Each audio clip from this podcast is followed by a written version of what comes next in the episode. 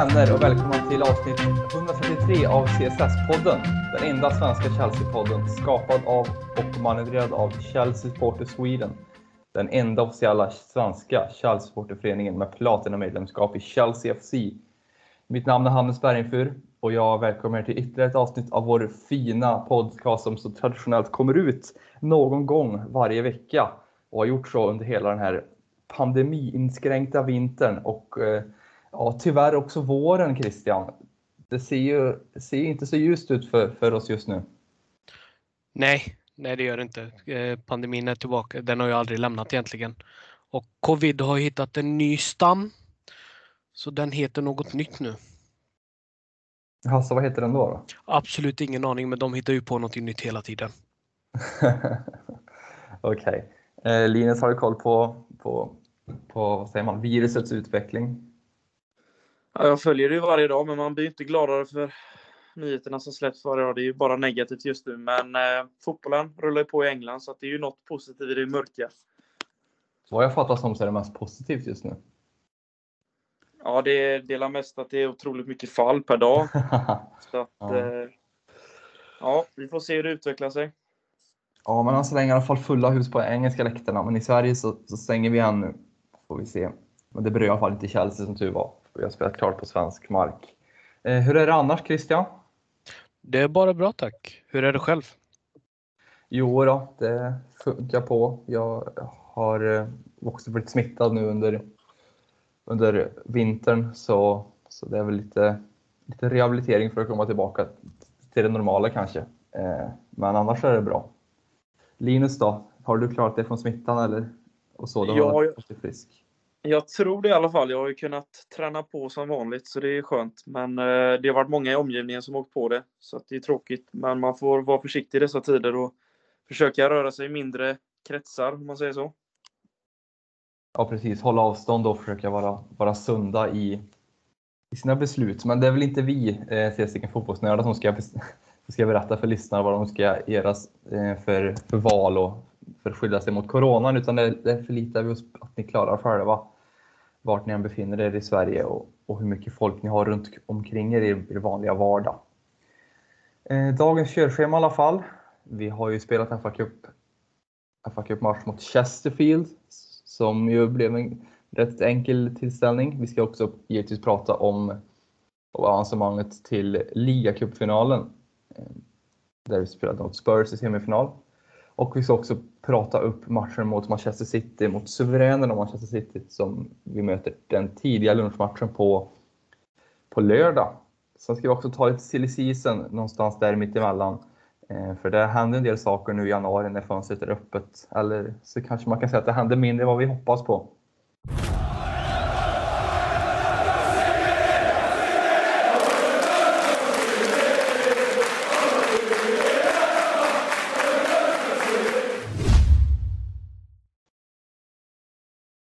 Och Linus, givetvis så är det här en match vi ska vinna alla dagar i veckan och det gör vi också, men vi ställer ändå upp med ett väldigt bra lag på pappret. Fast ändå luftar vi truppen. Det är ju en, en lyx vi har att kunna stå upp med det här laget. Men vad var dina, dina eh, spontana tankar om matchen? Ja, det är en lyx vi har, men vi har ju åkt på Corona otroligt mycket den här hösten och vi får känna på att ha en tunn trupp. Även om den är bred från början så är ju corona någonting som ställer till stora problem. Men inför den här matchen så kände jag att det var en intressant elva vi ställde ut på planen och jag tyckte att vi levde upp till de förväntningar jag hade gentemot att vi ska döda matchen tidigt. För sådana här små lag som kommer med stor publik till Stamford Bridge och får spela sin säsongens match liksom och eh, håller de nollan länge så kan det bli närmare. Jag tycker att vi gör det på ett taktiskt sätt att vi dödar matchen snabbt, vi styr spelet och får in de här tidiga målen som gör den här tryggheten i att vi kan rulla boll och fortsätta med vårt spel. Så eh, jag är nöjd och eh, tyckte att elvan var bra och eh, det såg stabilt ut. Eh, även om vi släppte in ett mål så tycker jag inte det är något som vi behöver utvärdera som något större negativt i matchen. Men jag, summa summarum så jag, jag är nöjd och vi är vidare till nästa omgång. Christian, håller du med i den den tanken. Det är klart att eh, man kanske hoppas på fler, fler unga talanger speltid, men, men hur, hur känner du sett till, se till ja, utgången inför matchen och sen resultatet hur det blev. Då menar jag också bara spelmässigt, för en, en vinst skulle vi ta vilket som. Ja, alltså jag håller med Linus eh, helt och hållet. Eh, skönt att vissa spelare fick minuter, eh, många, så, så, så, som Linus sa. Många har haft covid. Det var skönt att få tillbaka spelare och se dem bara spela ut. Eh, få det andra flåset, bara komma in i matchen. Eh, vi hade lite ljusglimtar på vissa nya spelare. Eh, jag tycker att eh, Lewis Hall eh, var briljant på den eh, backpositionen som han hade. Han fick till och med kröna oss med en assist. Och han, han sköt ju faktiskt skottet som Kristensen gjorde mål på. Så det fanns ju ljusglimtar trots att vi ska vinna alla dagar i veckan med vilket lag vi än ställer upp mot ett division 5-lag. Eh, sen tyckte jag att det var jätteroligt att de faktiskt gjorde mål på oss. Det var som fotbollsälskare härliga scener att se. Eh, jag tror att det var någon som eh, sa att det här kommer de berätta för deras barn och deras barnbarn om att Chesterfield gjorde mål mot The Champions of Europe. Eh, jag älskar sånt. Det var jätteroligt att se. Ja, det är det inte alla som gör. I alla fall inte om man tror Chesterfields app, eller eh, Twitterkontot på, på, för Chesterfield. Eh, om ni såg det. De låg ut och hånade Tottenham lite grann. Nej, men Lewis Hall då, Linus, en spelare som inte jag alls har koll på inför matchen, går ner en dunderinsats. Det är klart att man kan anta att eh, talanger i Chelseas akademi, i alla fall de bättre av dem, håller en högre klass än division 5-lag och ska kunna vara dominanta mot, mot de lagen. Men, men ändå, att gå in så här i sin A-lagsdebut otroligt. Ja, verkligen. Och eh, var otroligt trygg med boll. Och hade ett självförtroende där man såg att han kunde driva framåt i det offensiva och var stabil bakåt. Så det var en perfekt match för honom att visa vad han går för. Och eh, fick dessutom få göra en assist då som, eh, som bollen nådde fram till Lukaku. Så att, eh, nej, det var en otroligt fin insats av honom och det är ju bara positivt för honom för framtiden också och eh, matcher i Chelsea. Och jag tror definitivt han kan vara med nästa försäsong och visa framfötterna. Göra en liknande resa som Chalobah egentligen har gjort, att man gör en otroligt fin försäsong så kan man lätt komma med i truppen om man vill vara med i Torshälls planer. Så att eh, nej, det var en riktigt bra insats av honom och eh, nej, men det, det, ser lovande ut och det var en perfekt match och få lufta lite i truppen som vi varit inne på. Och eh, detta är ju ett exempel på hur bra det kan gå när man väl får visa framfötterna, även om det är mot ett sämre lag och ett division 5-lag så tycker jag nog att det visar på kvaliteter som den här unga ytterbacken har. Ja, för visst är han ytterback. Eh, han spelade ju liksom nästan lite, vad säger man? Vi spelade nästan som en fyrbackslinje den här matchen. Eh, hur, vad, vad tror du om hans chanser att kunna få spela, alltså ta en eh, plats som wingback nästa säsong? Eller är ja. det... Ja, det är ju det är ett svårt läge. Det är ju en stor konkurrens, men eh, det är en ung spelare. en otroligt ung spelare och eh, han har ju många år framför sig så att det kan ju även bli utlåningar framöver givetvis. Men eh, nästa säsong, det kan bli tufft på en wingback-position, men eh, om man får vara med på en försäsong och får känna lite på det så kan det absolut öppna upp eh, en väg in i laget. Men eh, det, ja, det är konkurrens på wingbacken ja, man blir lite, lite mörkare nästan när man ser att, att, eh, att han är född 2004. Ja, det, det är sjukt. Att, men det... att, man, att man själv är fem år, in, fem år äldre än sådana som spelar i Chelseas A-lag. Då, då, då blir man lite rädd för, för, för sin egen ålder. Men det är väl så det är, bara att vänja sig antar jag. Det kommer väl yngre och yngre uppåt eh, nerifrån. Ja, Christian, fick tur i nästa lottning också. Eh, Plymouth Ja. Eh... Sydkusten, fast var är det? var Stamford Bridge. Eh, det ska ju bli en, precis innan, innan eh, klubblags-VM också, så det blir väl en, det ska vara en walk in the park det också. Ja, eh, finns egentligen inget annat som eh, tyder, som säger något annat. Klubblags-VM, vi kollade upp det nu lite innan podden. Vi spelar vår första match den 9 februari i Saudiarabien. Eh, och den här matchen spelas den femte, så det kan vara ganska reservbetonat. Eh, men det ska vara en walk in the park. Yes, Plymouth ligger för närvarande sjua i, i League One, så det är i alla fall två divisioner högre än Chesterfield. Så, så det skiljer lika mycket mellan Plymouth och Chesterfield som det är mellan oss två. ungefär i ligaposition. Så det är väl i alla fall, vet man ungefär vad det är för värdemätare, men det ska väl, ska väl vara en relativt enkel vinst även det. För att man kan, man kan ändå konstatera, trots att det var en bra match och allting i, i, i söndags, att, eh, i lördags, ursäkta mig, att det var att det var lite på halvfart kanske eh, och, och inte full speed. För har du något mer att tillägga på den matchlinjen så jag tycker att vi, vi önskar Chesterfield lycka till bara och så går vi vidare i vårt, vårt, vårt körschema. Jag tänkte just det med att vi är halvfart i Bela gentemot att vi egentligen fick en sån bra start på matchen där vi kunde döda den snabbt, vilket gjorde att vi mer kunde kontrollera spelet och inte eh, egentligen dra upp tempot otroligt. Eh, så vi kan egentligen rulla bollen, fortsätta göra vårt spel och därefter skapa chanser. Så att vi slapp ju det här stressmomentet gentemot ett sånt mindre lag kunnat alltså stå emot oss. Men vi lyckas ju få hål på dem tidigt så att det blir en ganska lugn match. Och det, det är nog skönt för spelarna också nu i det hektiska spelschemat tror jag. Ja, men det är ju alltid skönt att, att få, lite, få lite minuter och försöka jobba på spelmönster kanske och, och, och ta det som ett träningspass.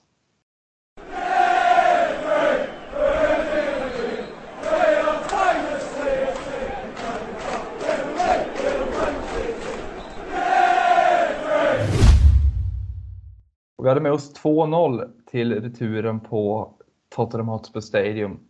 Och vad var tankarna inför matchen Christian? Skulle det här bli en, ett, vad säger man, en, en, en repris på matcherna som var i, i våren i fjol i Champions League? Lite att man avvakta och kanske fokusera på defensiven.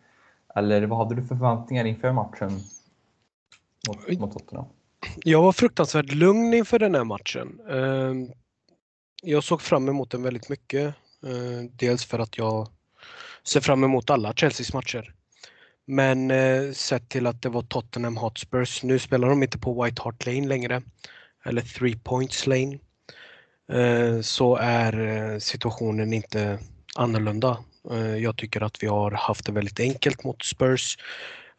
Hade lite nerver första mötet när vi skulle möta Conte första gången och vi vet ju mycket väl att han är en duktig taktiker. Eh, och satt och funderade lite på hur vi skulle ställa oss mot den matchen. Men efter att ha sett hur det såg ut första matchen så fanns det absolut inga nerver inför andra. Eh, utan det var en klinisk vinst trots lite tur med VAR. Linus, laguppställningen inför blev jag lite konfunderad över. Malang Sarr stod uppställd mellan tre mittbackar, men han spelade nästintill ja, central mittback, eller, eller säger man, eh, ytterback i större delar av, i alla fall med, med boll, det offensiva spelet. Hur kände du inför laguppställningen? Jag tyckte det var lite gambling ändå att ha trots vi har 2-0, men han gjorde det ju bra. Eh, håller du med? Ja. Eller liksom, vad, vad, vad var dina tankar när du såg laguppställningen?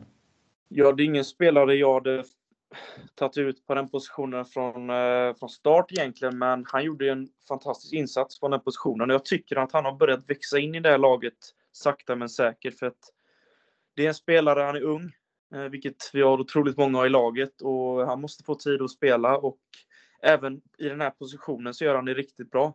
Och jag tycker att det här är en, det är en ung back med en eh, bra vänsterfot. Uh, och det ser man även i den här matchen, att han, han är lugn och bekväm och eh, ger ändå en del lugn som, som en som vi som tittar på matchen att det är en spelare som kan driva boll och han kan fortsätta föra bollen framåt i banan. Så jag tycker det är en ganska offensiv mittback på det sättet, vilket gör att man kan testa honom på en sån position han gjorde. Eh, som han spelar mot Spurs nu då. Men sen tycker jag att eh, generellt, som Chris var inne på det, att inför matchen så var jag inte så orolig eftersom att första matchen såg otro, otroligt bra ut och jag tycker det är Tottenham ställer till sig en del för sig själva, för både i första matchen och andra matchen så sker det misstag av egna spelare. Och nu var det Golini på hörnan där, kommer ut helt fel när Rudiger sätter in 1-0 och därefter kände jag en otrolig lättnad inför matchen och att jag kände att det var ganska säkert att vi skulle gå vidare. Och så att mycket hänger också på att Tottenham gör otroligt stora misstag som egentligen man ska undvika, men eh, de förekommer i båda matcherna och det är mycket av det fäller dem i det här dubbelmötet. Ja, jag håller med. Jag tycker att någonstans är det väl individuella misstag som, som avgör det här dubbelmötet, men också det sättet vi, vi, vi vi åt, igår framförallt så tycker jag att våran återerövring av bollen är det som sticker ut. Eh, hur vi strukturellt Ehm, pressar och allting för att vinna tillbaka bollen. Christian, du som är lite mer, har lite mer taktikeröga än vad jag har. Eh, vad tycker du att den största anledningen till rent, rent taktiskt till varför vi spelar så här bra och, kontrollerar det så bra som vi gör mot Spurs? De kommer nästan inte någon chans förutom, eh, vi kommer in på detaljer, men även förutom Kepas eh, lilla tabbe där så, så kom, skapar de inte så mycket mot oss. Vad är det som gör att vi, vi, är, så, vi är så bra? I det här fallet så har det med eh, hur vi är positionerade. Eh, vi var inne på det att Malang Sarr var ju väldigt offensiv eh, som eh, mittback. Han var nästan som en ytterback högre upp på banan. Och det gjorde saken mycket enklare, framförallt när de spelade bollen på den eh, vänstersidan sett från Chelseas eh, eh, uppställning. Sen eh, i våran återerövring så det bara klaffade bra. Det, jag tycker att det är det vi har gjort som bäst under hela säsongen när vi har hyllat vårt Chelsea.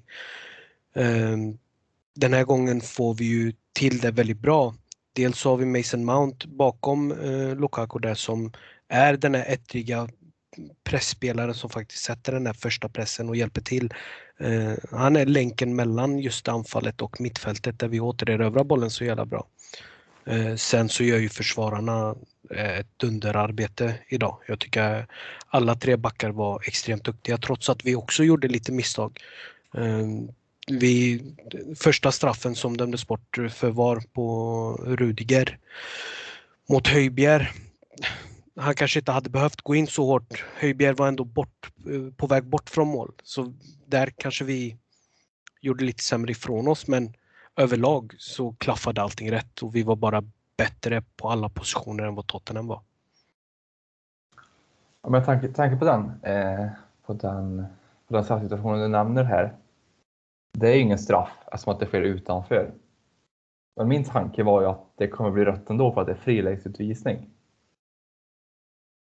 Är det, har de tagit bort det eller eh, han var kanske inte fri Linus? Var, eller är det jag som tänker helt fel här? För att, för att Höjberg var ju förbi, våra, var ju förbi Rydiger. Ja, jag tänkte mest på att när VAR går in där så går ju de och säger egentligen att det är ingen, eh, det är inget straff. Sen vet jag inte, med det röda kortet kanske Christian vet mer än vad jag vet gällande reglerna där, men eh, det ska inte vara rött kort i, om man kollar VAR, va? Då måste de kolla efter rött kort i så fall. Eller, är jag, jag, eller är jag fel ute där? Uh, lite. Om mm. uh, det som bedömdes inte vara ett frilä en frilägesutvisning var just det att Höjbjer inte var på väg mot mål. Mm. Han var på väg bort från mål. Således så anses det inte vara ett, en frilägesutvisning. Okay. Uh, så hans första touch där när den innan själva händelsen med glidtacklingen så var bollen på väg bort från mål. Eh, så jag tror att det är det som eh, väger in och det var därför det inte heller var någon diskussion om ett rött kort. Men det var väl på väg mot kortlinjen? Eller eh, du menar att den var på väg för mycket mot hörnflaggan? Ja, alltså den var, den var helt enkelt inte på väg mot mål. Nej. hade det varit, hade han petat bollen inåt i banan, då kanske det faktiskt hade blivit ett rött kort och mm. således frilägesutvisning.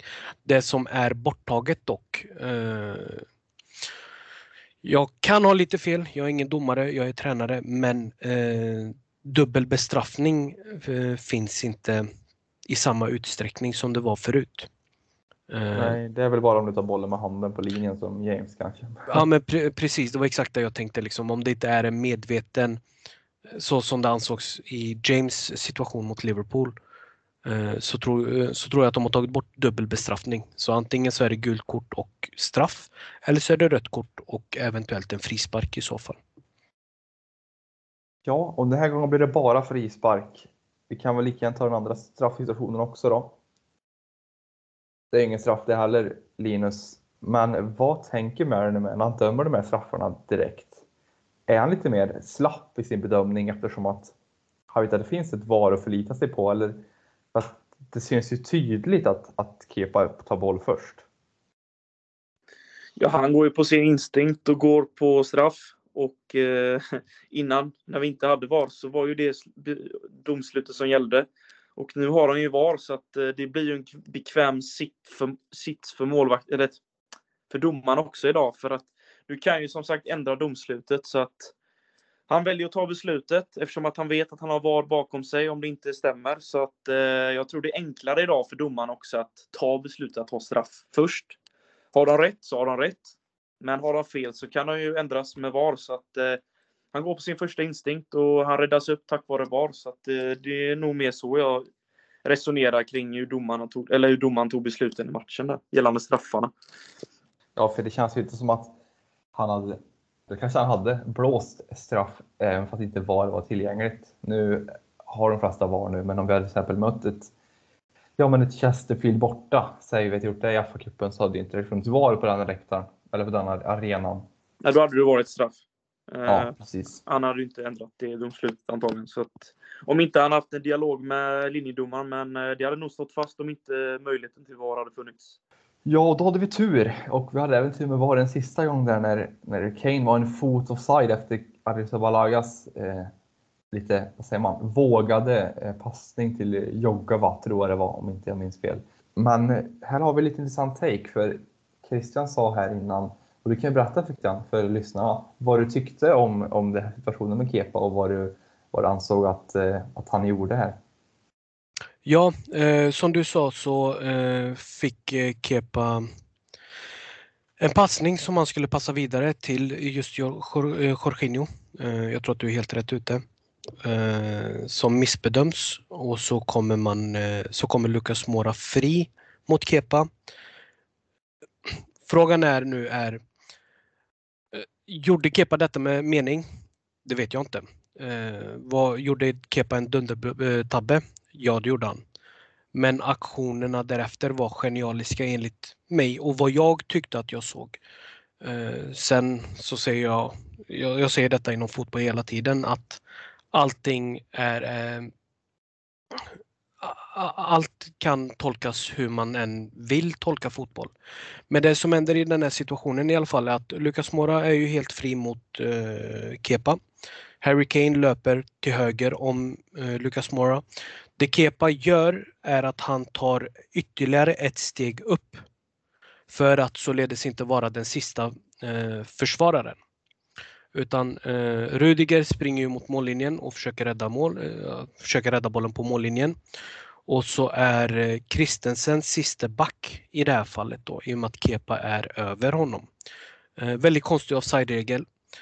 Men när passningen väl kommer till Kane så är eh, Kepa, jag vet inte om han gör detta med mening återigen, men han är väldigt, det känns för mig att han är väldigt medveten om vad han har precis gjort.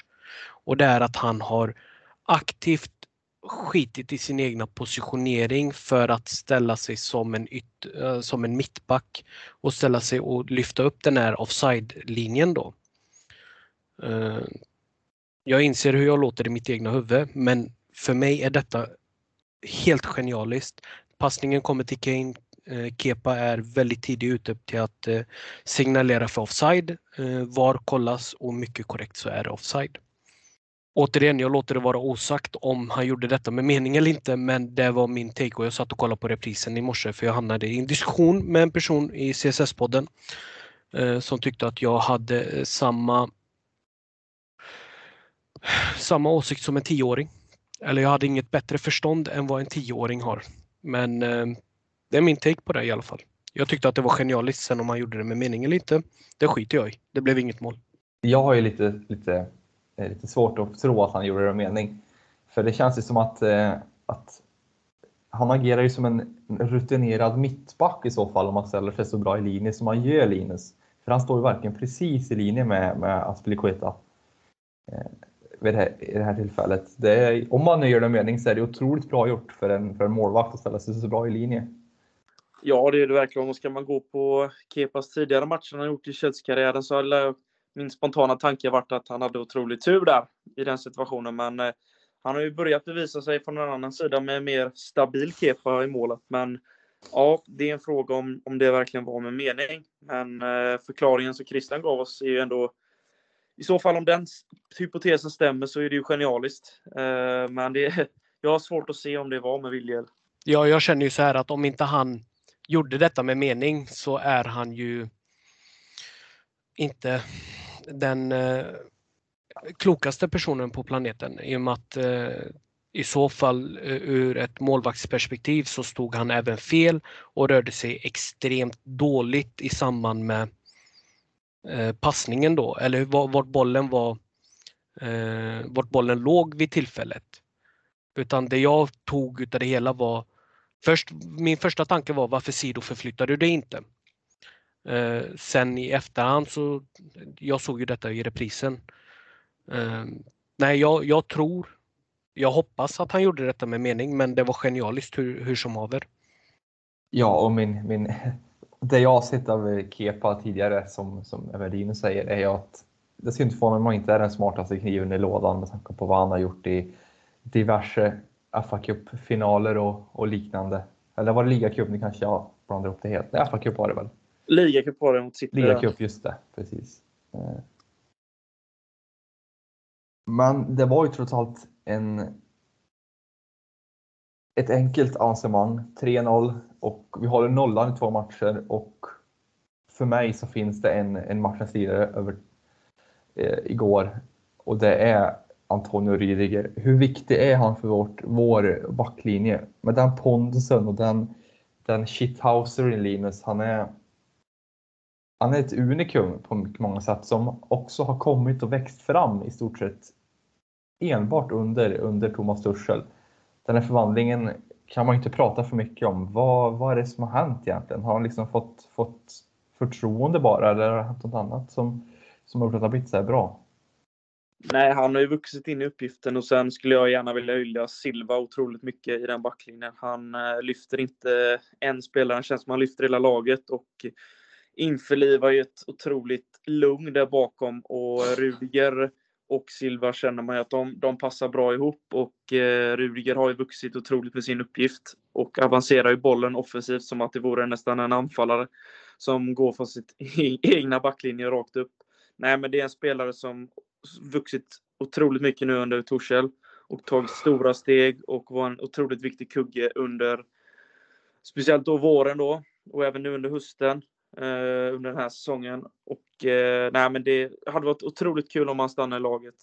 Eh, och eh, man ser ju det i den här hörnan när han bara går upp med sån otrolig pondus och får in bollen på något sätt och kommer före Golin i situationen. Så att eh, det är kul att se att en spelare går egentligen från att vara på väg från Chelsea till att bli en av de viktigaste spelarna i laget. Så att, men jag vill speciellt hylla Silva där bak som lyfter hela backlinjen. Så att, eh, men eh, eh, Torshäll har gjort ett underverk med Rudiger, det måste man säga. Håller du med Christian? Eh, är det tack man säger så här, min tanke igår var att Sar spelade så bra, men tänk han har Rydiger bakom sig. Då kan man ha det eh, liksom. Då kan man eh, växa och, och känna, liksom, känna trygghet på något sätt. Eh, tror att det har blivit så även för Rydiger att när han har Silva bredvid sig, nu vet jag att Silva kom in senare i matchen, men generellt så är ju Silva oftast bredvid honom. Eh, när det gäller som mest i alla fall. Eh, tror, du det har, tror du det har varit en stor positiv inverkan för Rydigers utveckling?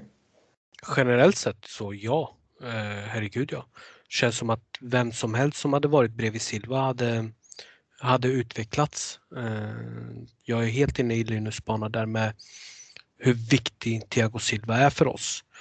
Ehm, men specifikt för igår så var ju Rudiger man of the match.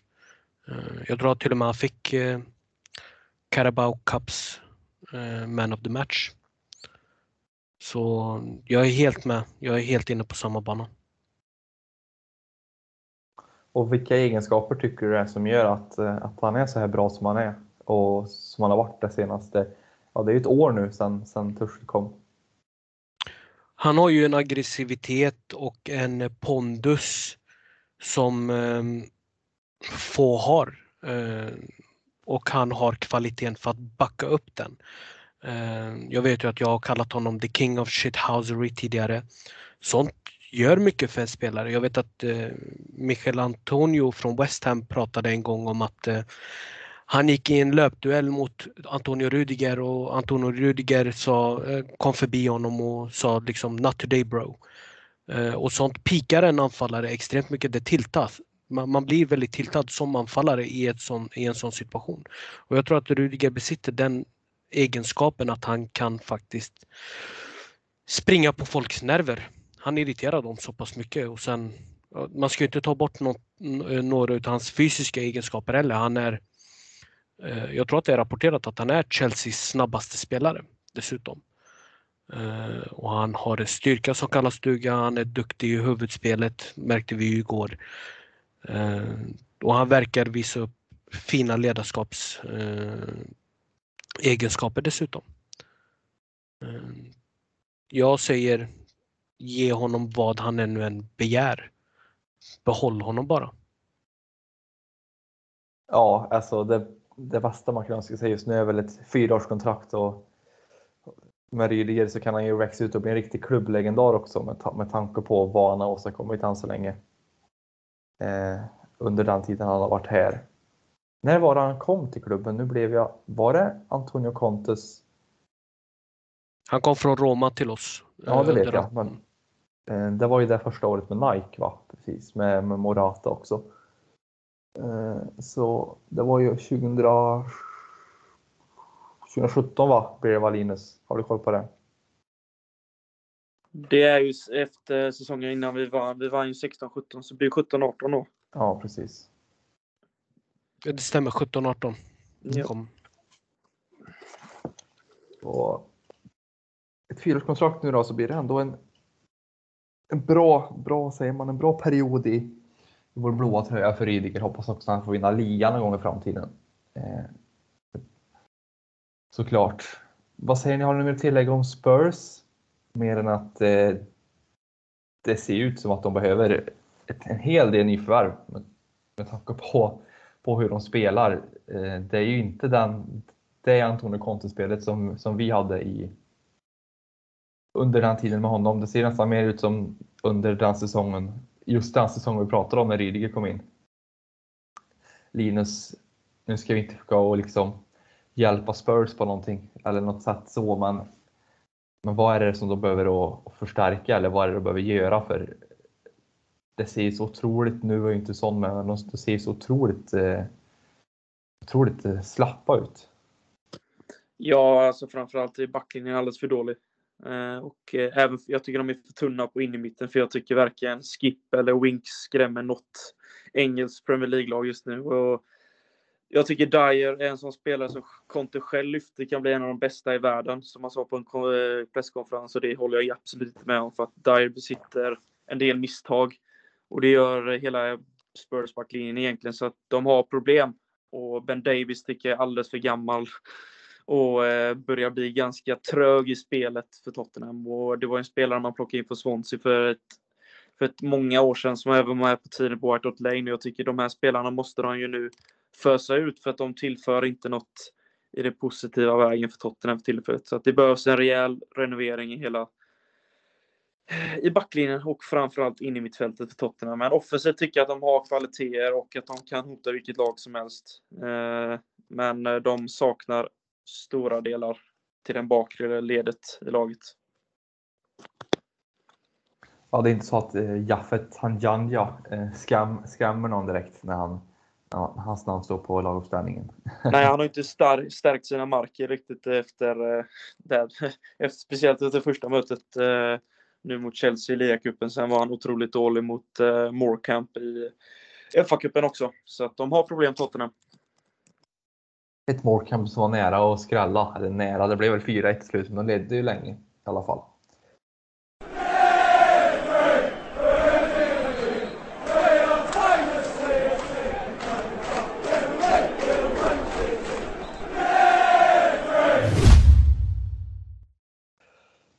Ja, men vi går väl vidare till silly season då. Eh, och där eh, huvudaktuella nyheten för oss är väl givetvis Rydigers kontrakt Eh, ja, uh, jag satt och pluggade på lite inför den här silly season och tänkte åh gud vilket hopplöst fall. Uh, först och främst så handlade det ju om Andreas Christensen och Antonio Rüdiger. om huruvida man avancerar i kontraktsdiskussioner. Jag lyckades läsa mig till att Andreas Christensen sparkade sin pappa som även var hans agent. Oklart varför. Ryktena är att pappa Christensen ville att eh, Andreas skulle till Barcelona i och med att det finns ett intresse för honom där. Eh, det verkar som att Christensen själv vill stanna. Eh, mer än så har jag faktiskt inte kommit till skott med. Jag var mer intresserad av Antonio Rudiger. och länge såg det mörkt ut. Fram tills ungefär 15-20 minuter innan den här podden startade.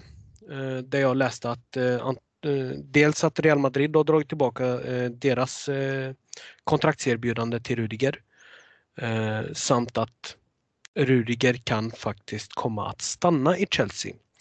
Detaljer har jag tyvärr inte. Jag hann inte läsa mig in i vad som sades där.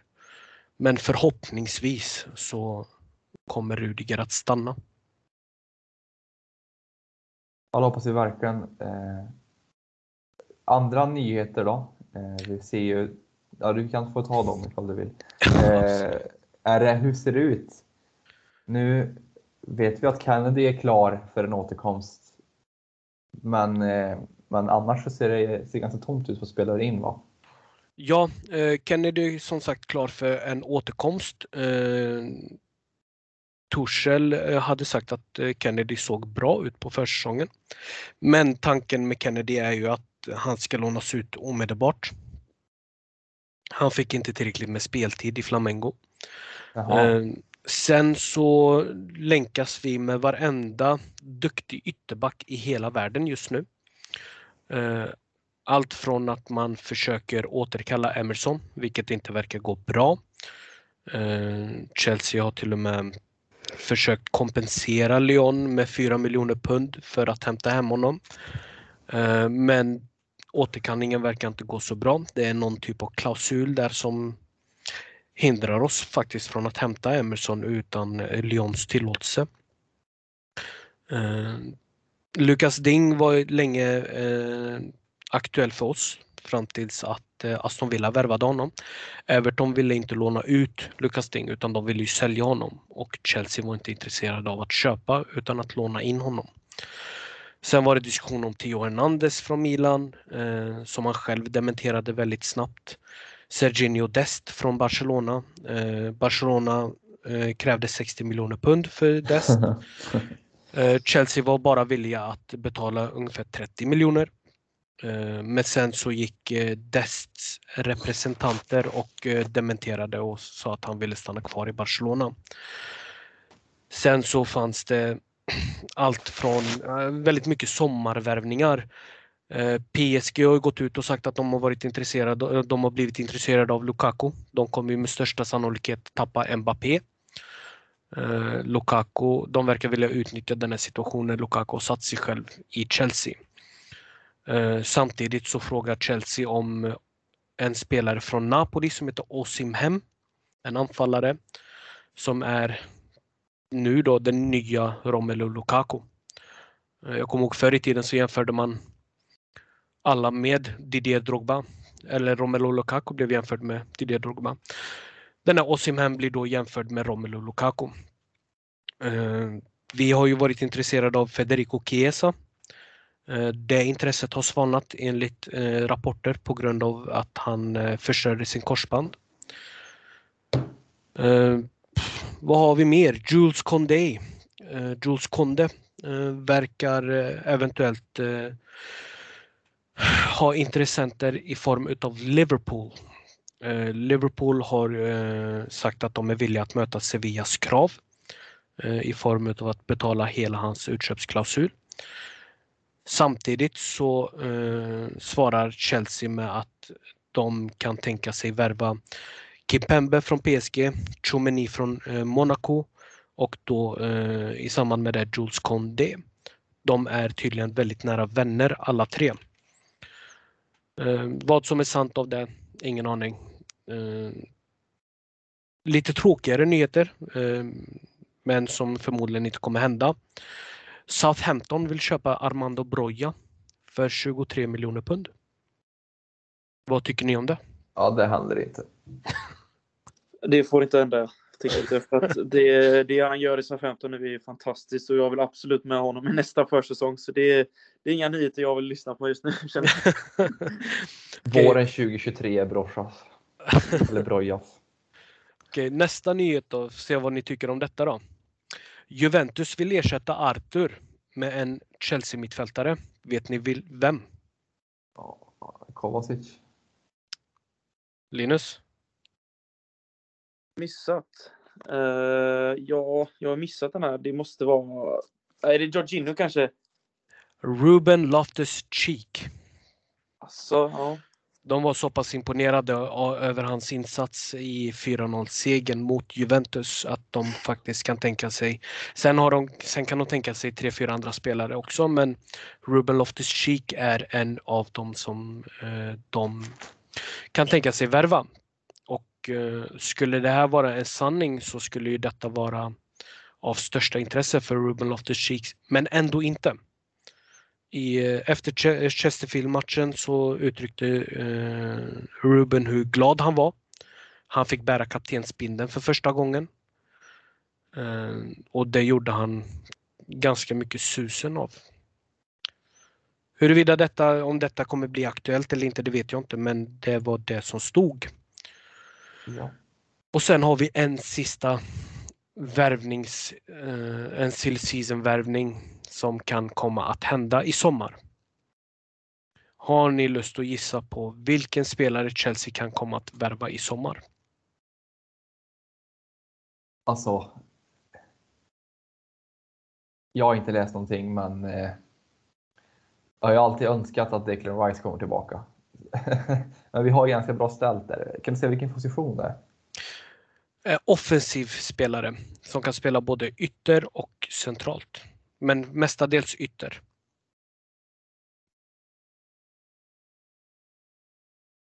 Nej, jag ska inte dra ut på det.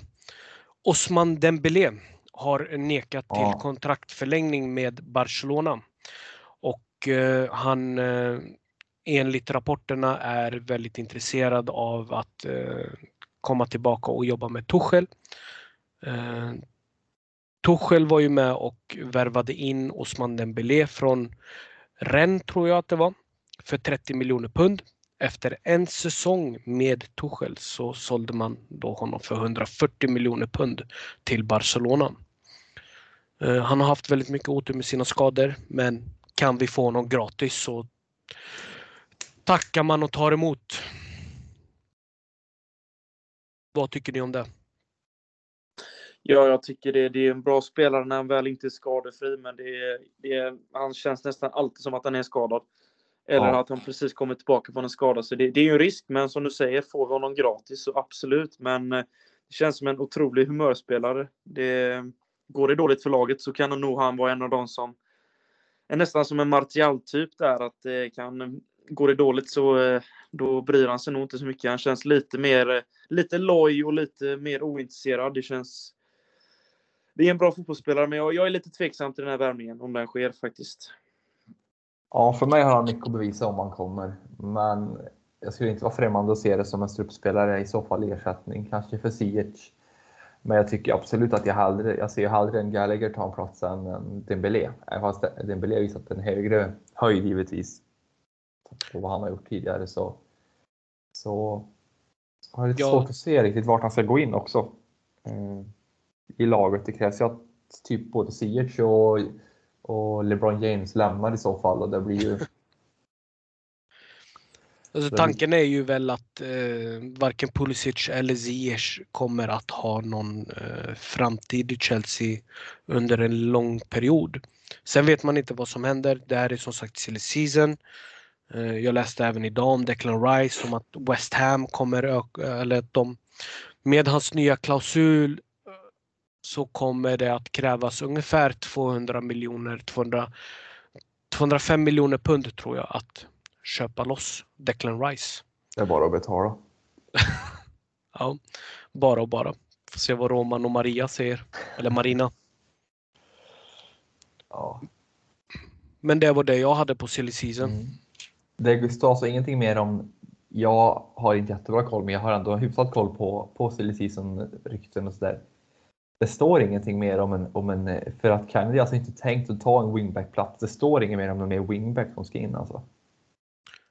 Inte just nu, inte vad jag har läst. Eh, de försöker febrilt fortfarande med eh, Emerson. Jag vet inte vad Emerson själv tycker och tänker om detta. Jag vet inte vad som sägs i den här kontraktslåneklausulen som Lyon har. Jag förstår inte varför eh, man ens skulle erbjuda en typ av kompensation om det är för att inte förstöra eh, företagsrelationer klubbar emellan. Jag vet faktiskt inte mycket mer men för Chelseas ekonomi så är Emerson den mest ultimata värvningen att få tillbaka. Ja, för det kan man ju sitta på olika sätt Linus.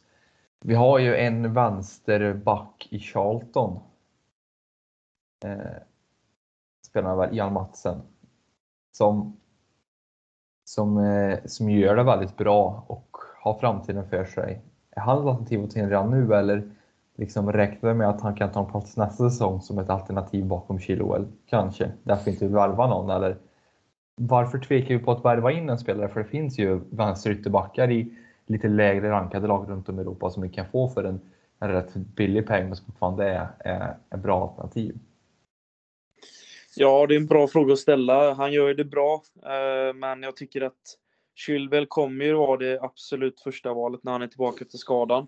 Och eh, Digne hade ju varit ett grymt alternativ där, men just som vi var inne på att det hade ju inte Chelsea velat ha en permanent övergång. Det skulle varit ett lån i så fall, men nu är vi i ett läge där vi befinner oss. Vi behöver en wingback, en vänster speciellt. Eh, men det känns som att får vi inte igenom Emerson i januari nu så tror jag inte Chelsea kommer köpa någon spelare i ren desperation, för det har vi gjort många gånger genom åren och det har nästan aldrig slutat bra. Så eh, jag tror i så fall att Tuchel kommer ha is i magen och Marina och eh, Roman också, så att jag tror att vi, vi kommer nog gå ur det här fönstret utan några spelare in, vad det ser ut just nu i alla fall, på den positionen. Så, men i framtiden är det svårt att säga. Det en hel vår ska spelas och eh, därefter börjar försäsongen och eh, många spelare kommer tillbaka från deras lån och eh, får vara med och träna med A-laget och visa framfötterna. Så det, det, är svårt att säga redan nu hur det kommer se ut framöver, men eh,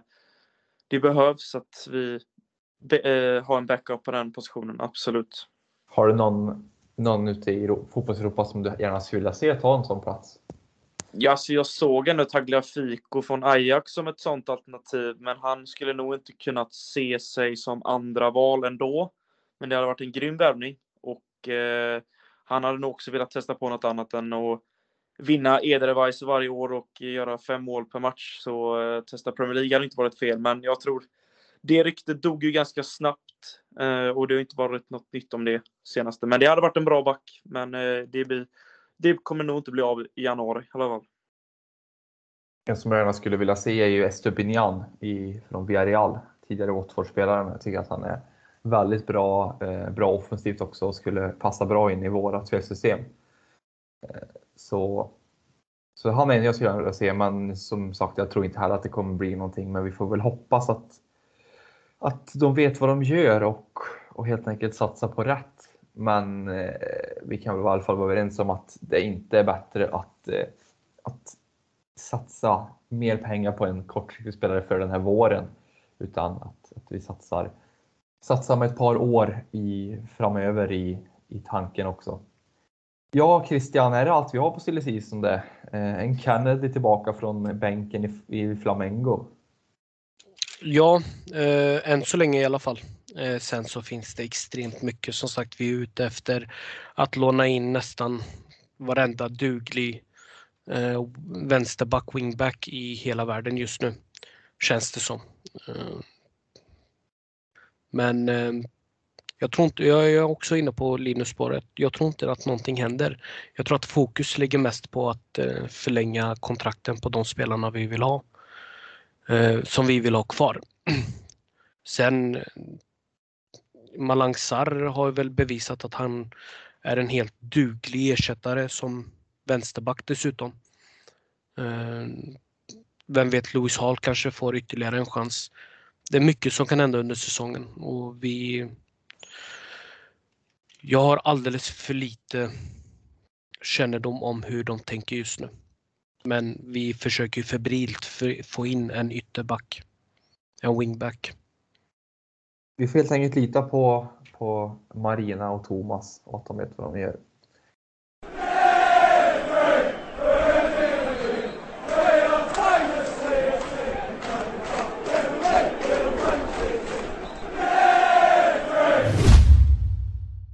Så går vi vidare till den spelmässigt intressanta matchen då mot seriesuveräna Manchester City. Linus, jag vet att du har bra koll på truppläget hos City och det här, den här maskinen City som, som har radat upp segrar den här vintern och, och hösten. Eh, snälla ge oss lite positiva nyheter nu. Finns det någonting som vi kan, vi kan se som positivt i deras trupp? Ja, ja, jag skulle säga att Maris är iväg med landslaget. Det är en otroligt duktig spelare för City, men eh, sen har ju de haft coronaproblem den senaste tiden. Och eh, det gäller ju alla lag, så man kommer inte veta om Chelsea eller City kommer sakna spelare, tongivande spelare, till helgen heller. För de här testen kommer ju göras dagen innan och eh, så det kommer också avgöra mycket. Eh, det förändras ständigt för lagen, men just nu så ser det ut som att eh, City kommer ha ett starkt dag på pappret. Och vi kommer få vara beredda på att eh, spela en av våra bästa matcher för säsongen. För det här är ett lag som eh, tuffar på och eh, får de in boll, första bollen snabbt på hemmaplan så oftast rinner det iväg. För City är så dominanta i sitt spel och det spelar nästan ingen roll vilket lag de möter. För kollar vi tillbaka från höstens tidigare möten där Chelsea mötte City på hemmaplan. Det såg bra ut på förhand, men vi åker dit med 1-0 och eh, jag lämnar den matchen med ganska mycket frustration genom att vi inte skapar så mycket lägen. Lukaku hamnar i ett läge där han inte kunde utnyttja sitt spel. Samma äldre Werner, för vi körde med två forwards den matchen. Eh, så att det är ett svårt läge vi står inför egentligen för att Pep Guardiola är ju ett geni och det är Tuchel med. Och det skiljer 10 poäng mellan oss så att vi får egentligen inte förlora den här matchen om vi ska ha en möjlighet att fortsätta och tro på den här ligatiteln. För att det här är ett lag som eh, de är tuffa på hemmaplan och eh, har otroligt många duktiga spelare. Men jag skulle ändå vilja säga och lyfta lite positiva saker också med laget. Det är att Kepa tycker jag han börjar se bättre ut. Och det är viktigt att han steppar upp nu när Mendy saknas. Eh, så att han måste ju spela på sin högsta nivå om vi ska lyckas få poäng här. Och även att jag tycker att det känns roligt att både egentligen att Malang Sarr och Saul har börjat finna en bättre roll. Jag tycker Saul har börjat lyfta upp spelet lite grann. Så även alternativ från bänken kan bli något hot. Men, eh, men eh, det, förhoppningsvis så slipper vi ha några nya coronafall. Och att Kanté och Silva eh, startar båda två. Och att vi lyckas stå emot deras press och få in bollen. Förhoppningsvis ett tidigt mål därefter vi kan kanske släppa spelet lite mer till City för att man vet att de kommer inte låta något annat lag styra spelet på Etihad. Så att eh, det är en svår match, men det är otroligt roligt och tidig avspark på lördag. Så att eh, det blir en otroligt spännande match för oss Chelsea-fans, men eh, det kan även släcka en dröm i mina ögon om en, den lilla chansen som finns kvar om en ligatitel. Så att det är mycket som står på spel, men jag tror att eh, vi kan lösa det om vi spelar på den nivån vi gjorde i Champions League-finalen där vi taktiskt sett spelade ut Guardiolas City. Men ja, nej, det är en svår match vi står inför här. Ja, en svår match kommer det bli. Eh, jag kollar lite grann här på, på, på truppläget. Just nu så står det att Phil Foden och Alexander Sinchenko har eh, corona. Mm. Eh, har du hört någonting ifall de kommer att från start eller kunna finnas med från spel? För i så fall så eftersom att de har en vänsterback i finkan och en vänsterback på Corona så kanske det är Ake som spelar till vänster. Det kanske vore bra för oss. Eller? Ja, precis, Men det är just det här med Corona. De kommer ju testas nytt, på nytt här nu och jag vet inte hur läget ser ut, hur många dagar de har varit i karantän. Men eh, det kommer ju testas igen. Och det lyckades ju vi få ut Silva och Kanté ur den här skiten så att säga med Corona. Så att eh, jag vet inte just nu för tillfället. Men jag vet att John Stones har en fotskada som håller honom borta och att eh, Mares är iväg med Algeriet och lirar eh, Afrikanska mästerskapen. Men annars så får vi se om Foden och eh, när var det mer du sa? Sinchenko. Ja, precis. Om de kommer kunna vara med till helgen. Men annars så kommer City ha ett starkt lag på pappret och det för, kommer vi också ha förhoppningsvis. Ja, Christian, vad är dina ingångstankar inför den här matchen? Hur ska vi kunna, kunna ta oss an det här City som har varit så otroligt bra i vinter? Um, ja, många säger ju att eh, Pep är eh, kungen av Premier League just nu. Eh, och den enda personen som kan peta honom från sin tron är Thomas Tuchel. Jag hoppas att vi kommer dit väl förberedda i vad i hur City kommer att komma att spela. Jag är med i Linus bana där om att vi lär nog få försvara väldigt mycket. Eh, så jag utgår ju från att vi kommer att spela någon typ av eh, kontringsfotboll mot dem. Ehm, hur det kommer gå det vet jag inte men eh, att försöka analysera en taktisk match mellan Thomas Tuchel och Pep Guardiola är för mig omöjlig. Jag har ingen aning vad som försiggår i något av deras huvuden. Ehm, jag vet att Pep Guardiola ogillar att spela mot Chelsea inför Champions, efter Champions League-finalen eh, några veckor därefter så sa, så var, sa Pep Guardiola väldigt ärligt att Chelsea var egentligen det sämsta eh, laget de kunde möta i Champions League-final. Eh, just för att Torshäll är lika oberäknelig som Pep Guardiola är. Eh, händer det den här matchen igen vet jag inte. Vi såg ju vad som hände förra matchen jättesvårt att sätta en puls på den här matchen. Extremt svårt. Eh, jag vet att det inte har gått bra för oss. Men samtidigt vänder man på det så är vi obesegrade i tio raka matcher. Och City är obesegrade lite mer än så. Mm. Men, men, det är svårt. Det är, det är extremt svårt. Vårt truppläge då Linus, det är väl Chilwell är borta givetvis. James också. Chaloba och Mendy. Annars så har vi faktiskt, som det ser ut just nu, eh, på torsdagen, eh, full trupp. Det känns ju som att nu är det två eller tre stycken givetvis jätteordinarie spelare som är borta, men det känns ju ändå som att eh, vi har inga ursäkter för att inte göra en bra insats i varje fall mot City. Eller hur? Nej, men precis det håller jag med om. Och vi har ett bra lag på pappret och det har City med tyvärr. Eh, så att det är ju som vi har varit inne på alla tre egentligen, det här kommer vara en otroligt svår match, men det är väldigt ovisst hur det kommer utspela sig. Men jag tror att City som sagt kommer styra spelet. Men vad vi därefter gör med bollen, det är ju upp till oss och jag hoppas verkligen att att fokuset ligger på att vi gör ett stabilt försvarsspel och därefter kan bygga ett spel och hota City, för det vet jag att vi kan göra. Och 1-0 kan vi vinna med, för det kunde vi göra i Champions League-final och sen stänga igen. Och egentligen, det viktiga är ju att strypa åt De Bruynes chans att få spela ut bollen hur han vill på kanterna och föra spelet. För det är mycket där City bygger sitt spel runt honom. Och även runt kant, kantspelet där jag tycker att City är som starkast. Och eh, lyckas vi strypa åt de positionerna och kunna göra det mer centrerat för oss själva och eh, inte låta det bli för mycket omställning, omställningar med fart så kommer vi kunna göra en bra match mot City. Men det är otroligt ovisst och eh, det ska bli kul att följa matchen men eh, det kan bli en jobbig kväll eller jobbig förmiddag på Etihad om City får ett tidigt ledningsmål tror jag. Ja, men så är det De är otroligt bra på att, eh, att spela av tid och kontrollera matchen City. Så det gäller ju att vi, att vi är med från start och, och första målet avgör någon hel del i den här matchen. Det håller jag helt med dig på Linus. Ja, vi tror att de kommer att styra spelet.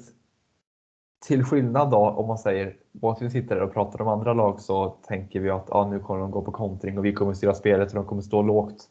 Det kommer vi som står lågt nu och det kanske passar oss också. Det, vi har ju ett ganska bra kontringslag, ett lag om vi vill. Eh, jag tänkte start 11 då. Eh, för, att, för att få ut maximalt av den här, den här taktiken. Om vi börjar nerifrån så ska Kepa givetvis stå. Om jag säger att, att vi har eh, Aspilicueta och Alonso på kanterna med Christensen, Rydiger och Silva i mittförsvaret. Eh, har du någonting att säga emot då eller är det de fem som kommer stå där? Jag instämmer. Samma för dig Linus? Jag är inne på samma bana, helt klart. Det känns som att det är det starkaste laget vi kan ställa upp på en, på en plan just nu när det gäller backlinjen. Sen framåt då? Vad, spontant tanke Christian, vill du ha tre mittfältare, tre innermittfältare eller två mot, eh, mot Citys eh, bollskickliga trea? Eh, jag skulle nog vilja att vi spelar så som vi har spelat, så jag tror på två innermittfältare i form av Jogge och Kanté. Okej. Okay. Du då Linus? Jag är inne på samma. Eh, för att jag, sen älskar jag, jag har en förkärlek till Kovacic, men i en sån här match där även defensiven kommer bli otroligt viktigt att vi sätter på plats direkt, så tror jag att det är bäst att köra Kanté Jorginho som Christian sa där. Så att, eh, nej, jag håller med. Okej, okay, jag är ändå lite inne på Kovacic för Kanté faktiskt.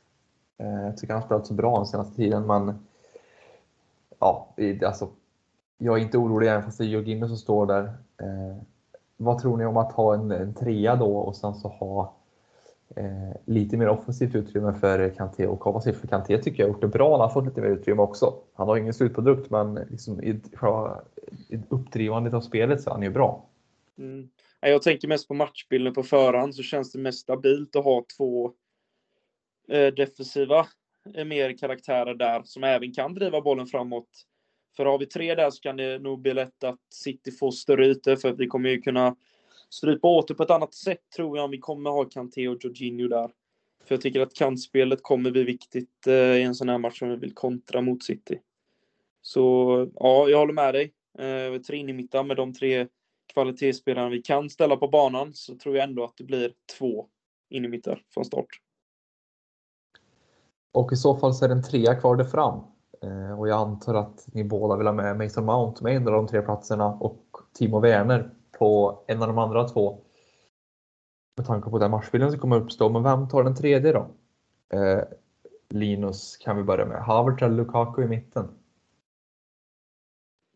Nej, nu skulle jag säga Lukaku. Hade du backat två veckor där nu eh, gentemot vad som hände så skulle jag sagt Havertz. Men just nu vill jag ändå säga Lukaku. Eh, han ser ut som att han börjar långsamt hitta rätt igen. Men eh, en sån här match så kan han absolut kliva fram. Men det kan ju även Kravitz göra, men vi kommer ju säkert göra byten också, eh, beroende på hur matchbilden ser ut. Men eh, Lukaku kommer starta tror jag. Tror du också det Christian? Ja. Vars vad eniga vi var nu. Vi var väldigt eniga känner jag, men eh, sen så känns det som att eh, den här matchen mot Tottenham var en typ av möjlighet att spela ihop de tre där framme. Eh, sen ska vi inte glömma att mot just Tottenham som också stod ganska lågt eh, så gjorde Werner väldigt bra matcher mot dem. Hans rörelse var extremt bra. Eh, så jag tror de är tre i alla fall. Mm. Och jag är lite mer skeptisk för Lukaku eh, måste jag säga. Eh, jag tycker inte att han har varit så bra den senaste tiden som att man kan hoppas på. Och sen samtidigt vet man att det är en sån spelare som kan tända till, visserligen då på ett, eh, ett, eh, ett, säger man, ett stämningstomt eh, Etihad då till helgen, men eh, en spelare som kan tända till när det behöv, behövs liksom och, och vara bra. Liksom, säger man, man kanske riskerar mer om man håller med honom i laget, men man kan också vinna mer. Så ja, men det är väl så. Men jag, vet inte, jag är lite inne på kanske att ha eh, Hudson-Odoi, Werner och, och, och, och Mount framåt eh, för att få ultimata kontringsspelet. Men Lukaku är ju inte så långsam som han ser ut kanske. Så det är pros and cons. Det blir intressant att se i alla fall vilken, vilken, vilken elva han ställer ut med eh, Tuchel. Det känns också som att det är ju bara Lukaku som kan matcha Diaz och Laporte i, i när, närkamper och det är ju någonting som, som vi skulle behöva Linus. För det känns som att vi behöver ta vara på situationerna vi får i den här matchen. Så är det verkligen. Och eh, gör vi som vi vill göra från start, att vi, vi måste vara kliniska när vi får lägena, för att jag tror att City kommer kunna strypa åt det bra offensivt för oss, samtidigt som vi också kommer stoppa City.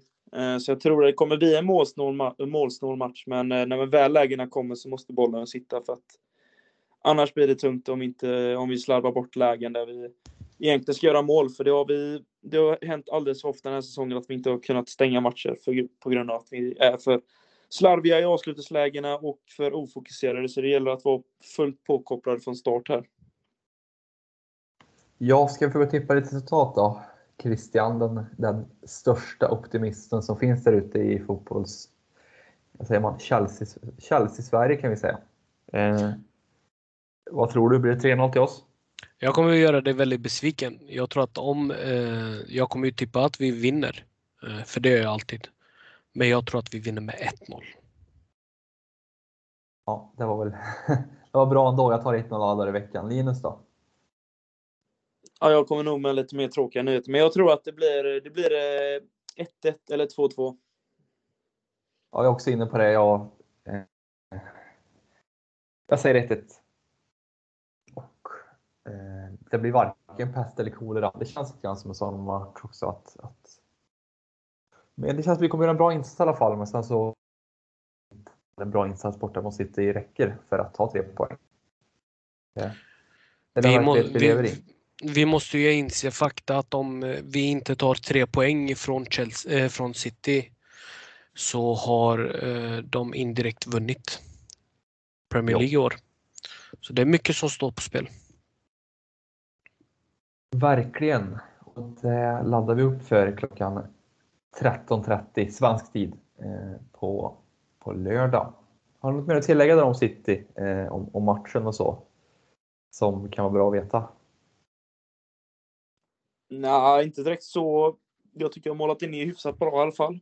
På förhand. Eh, som sagt, så man måste vara med på att Corona kan ju förändra matchbilden. Eh, det kan ju komma fall innan match och så kan störa det. Och jag blev lite orolig där när man läste att eh, Chelsea bjöd in Chesterfield spelare och ledare till eh, och få se hur man jobbade för att jag tänkte att det är en jättefin tanke men inte just nu under Corona. Så jag tänkte att nu kommer vi få coronafall till Tottenham-matchen, men vi verkar ha klarat oss. Men man får vara försiktig i dessa tider för att eh, det räcker att man visas positivt. Även om man inte har någon symptom så försvinner man från viktiga matcher och det, det har vi inte vi tid och lust med just nu i Chelsea-lägret. Nej, vi får helt enkelt hålla tummarna för att, vi, att alla håller sig friska eh, inför matchen på lördag. Ja, jag skulle vilja innan vi avslutar påminna er alla om att följa oss på våra sociala medier. Det är supportföreningen Chelsea Supporter Sweden som står bakom podden och man behöver inte vara medlem för att ta del av vårt ideella arbete. Men vill man stötta oss så kan man göra det genom att följa oss på just våra sociala medier.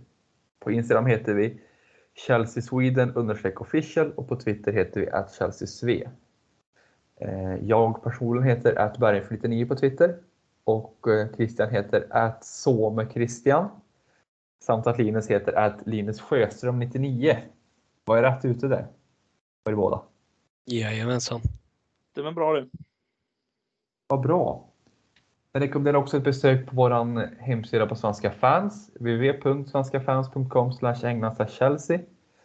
Eh, och så rekommenderar jag också att ni går med i vår grupp på Facebook. CSS-podden heter den kort och gott. Där man bland annat kan diskutera med, med Christian om, om Kepas genidrag eller inte. eller om andra saker, bland annat Fantasy Premier League och, eh, och eh, ja, matchtrådar och, och så vidare som läggs ut i samband med matcher. På tal om Fantasy Premier League. Eh, deadline fredag klockan 19.30. Håll utkik efter antingen mitt inlägg eller min vapendragare Robert Jansson så kommer ni att få uppdateringar kring det. Bra! Det, tack för att du påminde också att det var tidig deadline, för det hade jag glömt bort. Så jag hinner att göra någonting åt mitt, mitt, vad säger man, mitt sjunkande skepp, kanske.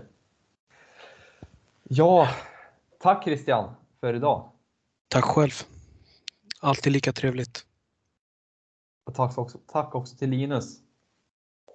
Men jag får tacka själv. Det var, det var riktigt roligt och det var första gången jag pratade med Christian, så det, det var riktigt trevligt. Detta. Var, var det första gången? Ja, jag, jag, tror vi har missat varandra. jag tror faktiskt det var första gången som vi har eh, poddat ihop. Det är så? Ja, Ja, men då så. Det var bra första gång. verkligen, verkligen. Och ett stort tack till alla som lyssnat. Ha en fortsatt kungsblå vecka.